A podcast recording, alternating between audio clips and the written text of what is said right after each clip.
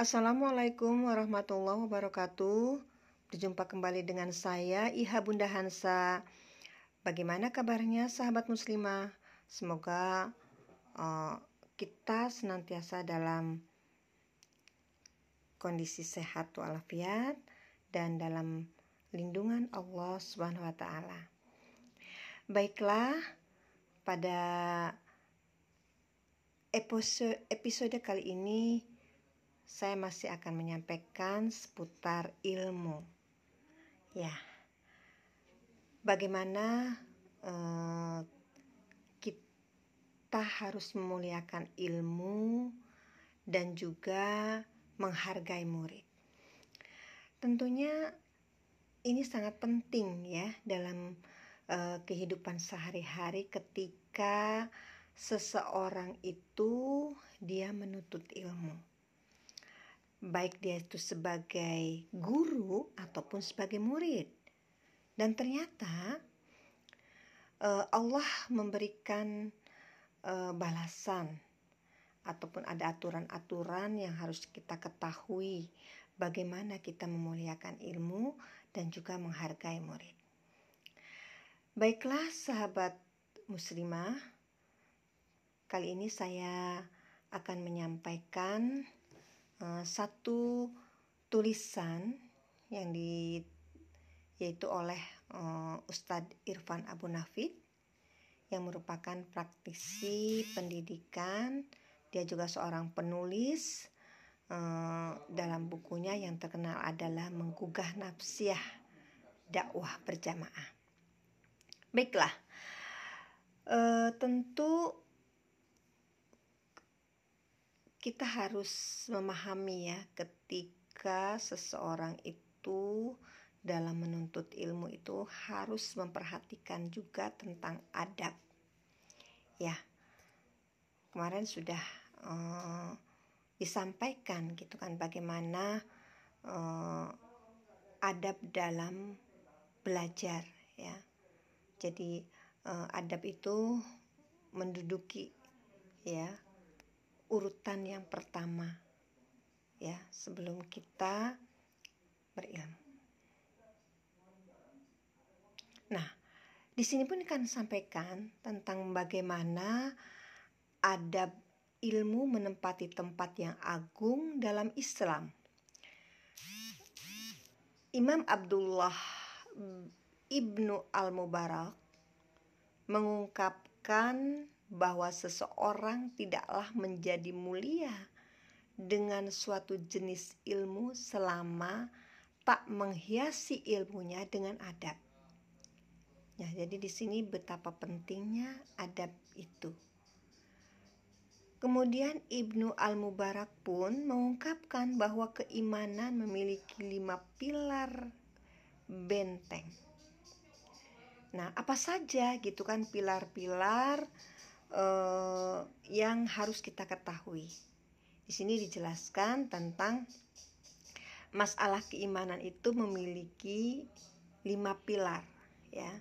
Jadi lima pilar yang akan membentengi yang pertama, pilar yang pertama adalah keyakinan.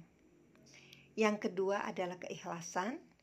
Yang ketiga adalah pengamalan kewajiban-kewajiban. Yang keempat pengamalan berbagai hal yang disunahkan. Yang kelima adalah memelihara adab. Nah, di sini uh, adab um, adalah uh, yang kelima itu adalah memelihara adab. Lalu bagaimana seseorang itu memelihara adabnya? Nah, di sini selama seseorang hamba memelihara adab-adab dan berpegang teguh padanya, maka setan tidak akan memiliki harapan atasnya. Jika ia meninggalkan adab, setan akan merusak pengamalan berbagai kesunahan, lalu berbagai kewajiban, kemudian keikhlasan hingga keyakinan. Hingga keyakinan. Uh, dijelaskan juga oleh Ahnaf bin Qais berkata tentang adab adalah cahaya. Jadi adab itu adalah cahaya akal. Sebagaimana api dalam kegelapan. Ya, jadi e, merupakan cahaya. Adab itu adalah cahaya yang mana e, diibaratkan api dalam kegelapan. Adalah cahaya bagi penglihatan Nah, sebagian orang bijak pun menegaskan bahwa tidak ada adab kecuali dengan akal dan tidak ada akal kecuali dengan adab. Karena itu sangat relevan jika Islam mengajarkan adab mencari ilmu dan mengajarkannya. Di antara adab mengajarkan ilmu sebagaimana diuraikan dalam Min Muqawimat Anapsia Al-Islamiyah adalah jadi dalam kitab uh, Mukawimat ya, pilar-pilar pengokoh Islamiyah. Nah, ada beberapa uh, hal yang harus diketahui ya tentang adab ini sendiri. Yang pertama, jadi uh, di buku pilar-pilar uh, pengokoh ya, pengokoh kepribadian Islam dijelaskan tentang sahsia Islam, kepribadian Islam seseorang. Yang mana kepribadian uh, seseorang yang mempunyai sahsia Islam itu uh, harus mencakup atau memiliki akliyah dan nafsiyahnya juga harus Islam. Nah, di antara uh, adab ya, mengajarkan ilmu dijelaskan menegur mereka yang meremehkan ilmu dan hukum syariah. Yang kedua, memperhatikan pernyataan dan pertanyaan murid. Nah, jadi di sini juga ketika kita mengajar atau ketika kita uh, menyampaikan ilmu, kita juga harus uh, seorang pengajar itu harus memperhatikan pernyataan dan pertanyaan muridnya. Kemudian yang ketiga di sini e, berbicara kepada orang yang mau mendengarkan. Nah, jadi e, berbicara kepada orang yang mau mendengarkan dan tidak sebaliknya. Maksudnya bagaimana? Nah, e, satu persatu akan dijelaskan ya tentang yang dimaksud dengan uh, menegur mereka yang meremehkan ilmu dan hukum syariah itu di antaranya adalah adab untuk menjaga kemuliaan dan keberkahan dari ilmu dari ilmu dan ilmu itu. Ya di sini menegur orang bodoh yang menyalahi dan meremehkan hukum syariah termasuk orang bodoh yang mencari-cari alasan kepada seorang ahli ilmu yang mempunyai pendapat berbeda dengan pendapat gurunya. Nah, eh, salah satu dalilnya adalah hadis dari Abdullah bin Al-Mughaffal yang berkata, ya, Nabi Shallallahu Alaihi Wasallam telah melarang al-khadaf, ya, al-khadaf gitu, melarang al-khadaf hadis Al-Bukhari Muslim. Dalam riwayat ini digambarkan ada seseorang yang melempar-lempar batu kecil di dekat Abdullah Al-Mughaffal. Kemudian ia berkata, aku sedang menceritakan kepadamu tentang Rasulullah SAW. Sedangkan kamu malah melempar-lempar sesuatu. Demi Allah, aku tak akan berbicara lagi dengan kamu selamanya. Nah, itu ya uh, yang yang dicontohkan seperti itu. Kemudian secara mantuk jelas digambarkan adanya larangan Rasulullah Shallallahu Alaihi Wasallam atas al-khadaf ya yang berkonotasi melempar-lempar batu kecil atau biji-bijian dalam suatu majelis di tengah-tengah kajian. Nah, tentunya eh, sahabat muslimah pernah ya ataupun eh, bisa jadi gitu kan eh, mengingatkan atau memuhasabah diri apakah ketika kita sedang belajar ataupun mendengarkan ustadz atau ustadah gitu kan ya. Uh, ketika mengajarkan kemudian kita bercanda misalnya gitu. Kemudian kita uh, ngobrol dan lain sebagainya. Nah ini bisa juga gitu kan ya. Karena memang kan di sini uh, disebutkan gitu kan ya bahwasanya uh, Rasulullah SAW melarang gitu kan atas al khadah tadi ya ya. Jadi ketika itu melihat uh, sedang melempar-lempar batu kecil gitu kan. Nah kemudian juga dijelaskan atau ditegaskan juga oleh al hafiz ibnu al Zauzi gitu kan ya dalam kasaf al muskil ya. Dijelaskan bahwasanya pendapat yang paling umumnya dipahami akhlak itu dilakukan dengan jari jemari.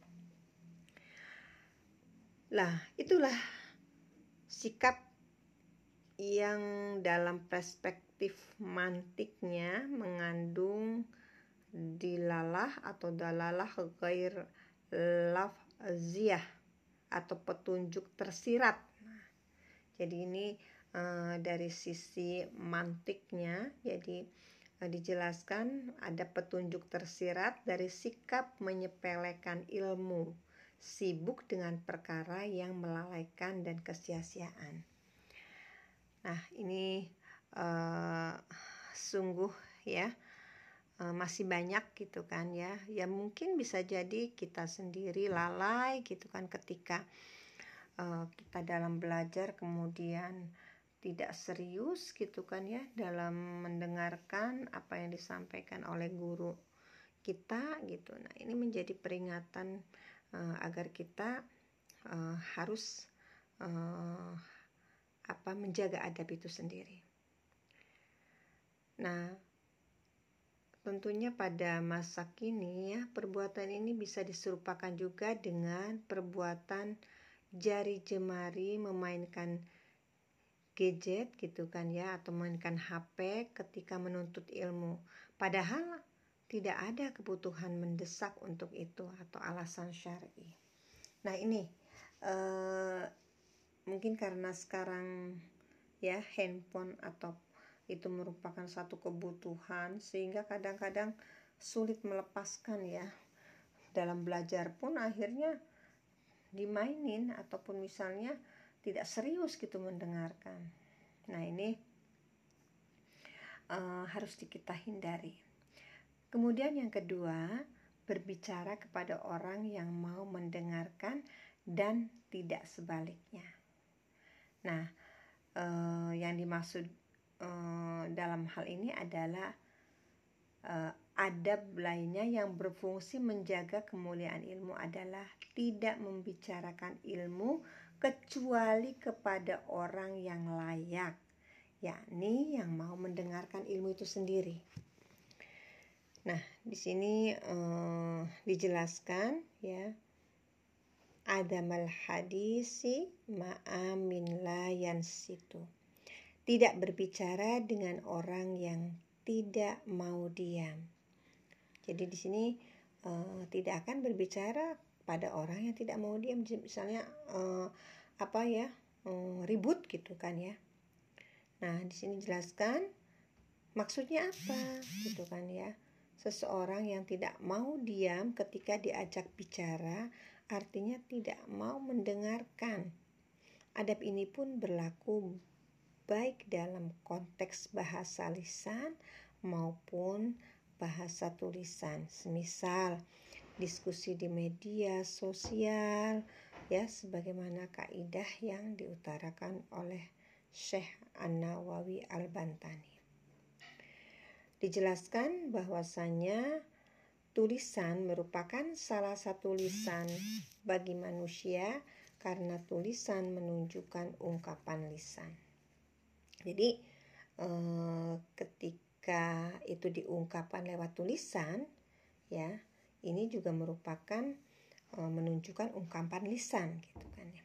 Jadi oleh karena itu uh, berlaku juga ya uh, dalam uh, kita um, menulis gitu kan lewat tulisan.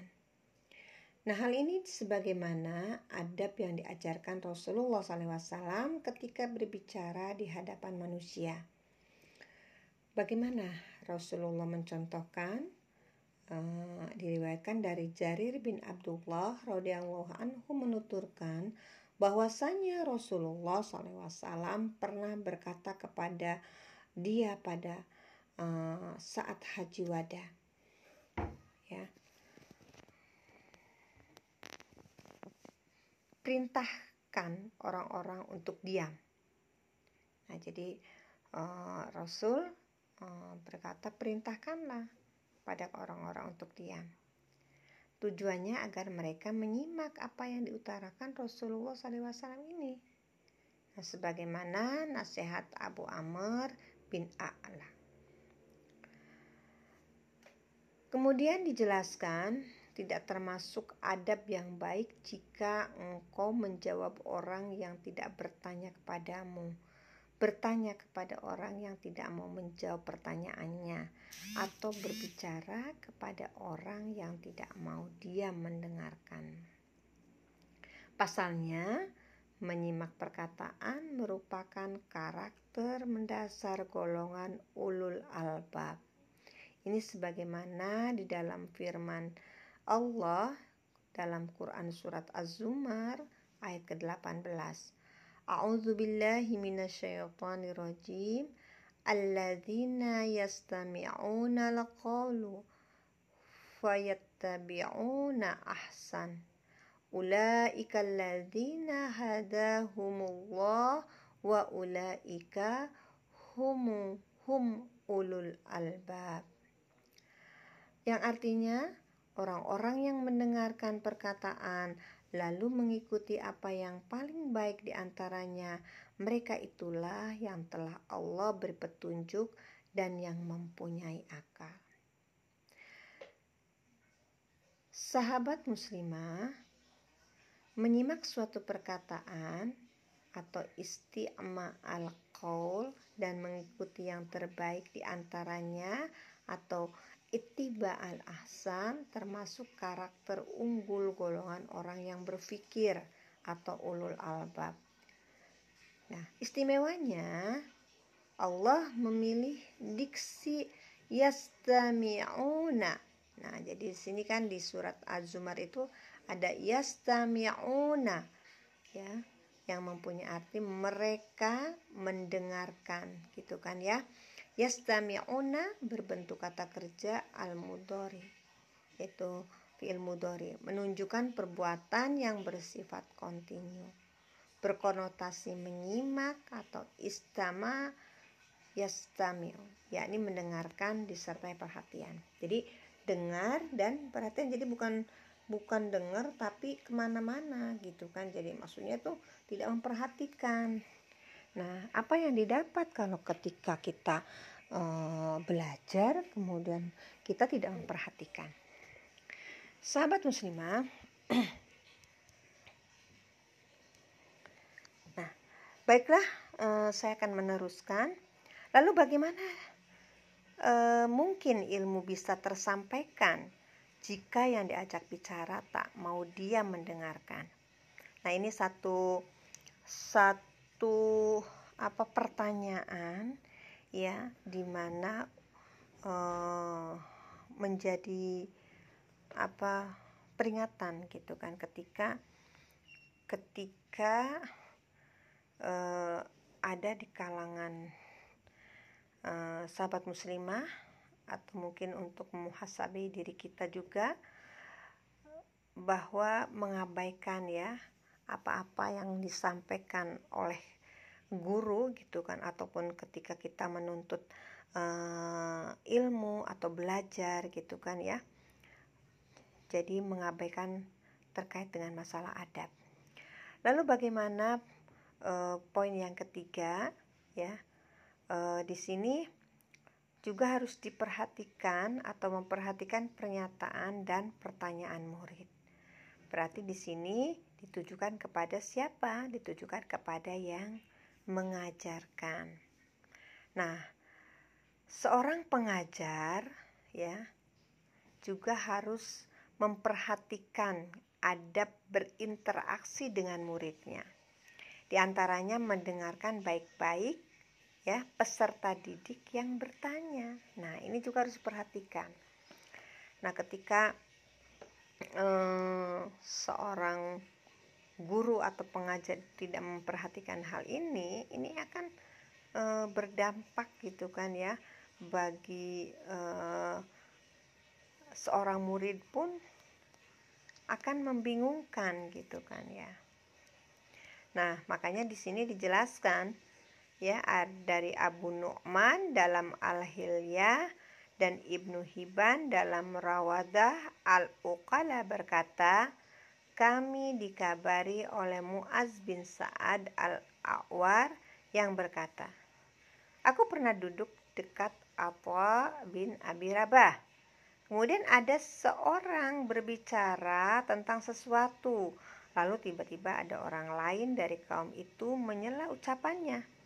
Nah, jadi di sini e, ketika e, apa e, Muaz bin Sa'ad tadi ya duduk-duduk dengan Atto bin Albi Robi Abi Robah ya kemudian ada seorang yang berbicara tentang sesuatu lalu tiba-tiba ada orang lain dan e, dari kaum itu menyela ucapannya nah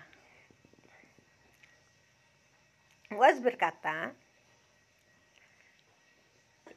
Kemudian Apo marah dan berkata, "Akhlak apa ini? Tabiat apa ini? Sungguh aku benar-benar akan mendengarkan ucapan seseorang, padahal aku lebih tahu tentang apa yang dia ucapkan. Lalu aku akan memperhatikan kepada dia seolah-olah aku tidak lebih baik pengetahuanku dan dirinya tentang apa yang dia ucapkan." Nah, ini ya. Uh, apa hmm, luar biasa gitu sampai ada kalimat akhlak apa ini tabiat apa ini nah jadi dalam perspektif ilmu balaghah merupakan pengingkaran atau bernada pertanyaan atau istifham ya inkari ini menjadi petunjuk tersurat atau dilalah eh, lazia berupa celaan atasnya. Diikuti dengan pengakuan yang menggambarkan karakter seseorang yang tawadu terhadap ilmu dan siapa pun datangnya ilmu tersebut. Nah, dari tiga poin di atas ya merupakan sedikit dari adanya bukti keagungan ajaran Islam yang menempatkan ilmu dan ahlinya serta pencari ilmu itu sendiri pada tempat yang mulia. Oleh karena itu, ya, sahabat muslimah, kita beruntunglah mereka yang meniti jalan ilmu dan menunjuk manusia pada jalannya. Nah, itu eh, apa? Sedih apa eh, tentang Eh, kedudukan atau pemulihan ilmu dan menghargai murid. Nah, sahabat muslimah, dari pemaparan tadi mudah-mudahan bisa diambil hikmah, bisa diambil uh, pelajaran uh, bahwasanya ada adab ya, ada adab-adab gitu kan ya. Uh, bagaimana dia kalau kita sebagai pengajar atau yang menyampaikan dan juga bagaimana kalau posisi kita itu sebagai uh, murid. Nah, dengan kita memahami uh, apa dari dalil yang disampaikan, ke depannya kita bisa memperbaiki ketika kita sudah atau telah melakukan berbagai macam uh, kelalaian. Baiklah sahabat muslimah, uh, saya Cukupkan sampai di sini tentang bahasan masih seputar ilmu. Insya Allah eh, kita sambung kembali dalam pertemuan yang akan datang. Mohon maaf jika ada eh, kekurangan. Assalamualaikum warahmatullahi wabarakatuh.